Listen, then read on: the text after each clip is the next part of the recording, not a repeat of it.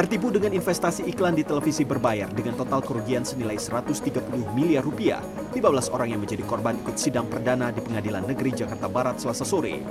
Pelaku mengaku sebagai salah satu karyawan perusahaan televisi swasta.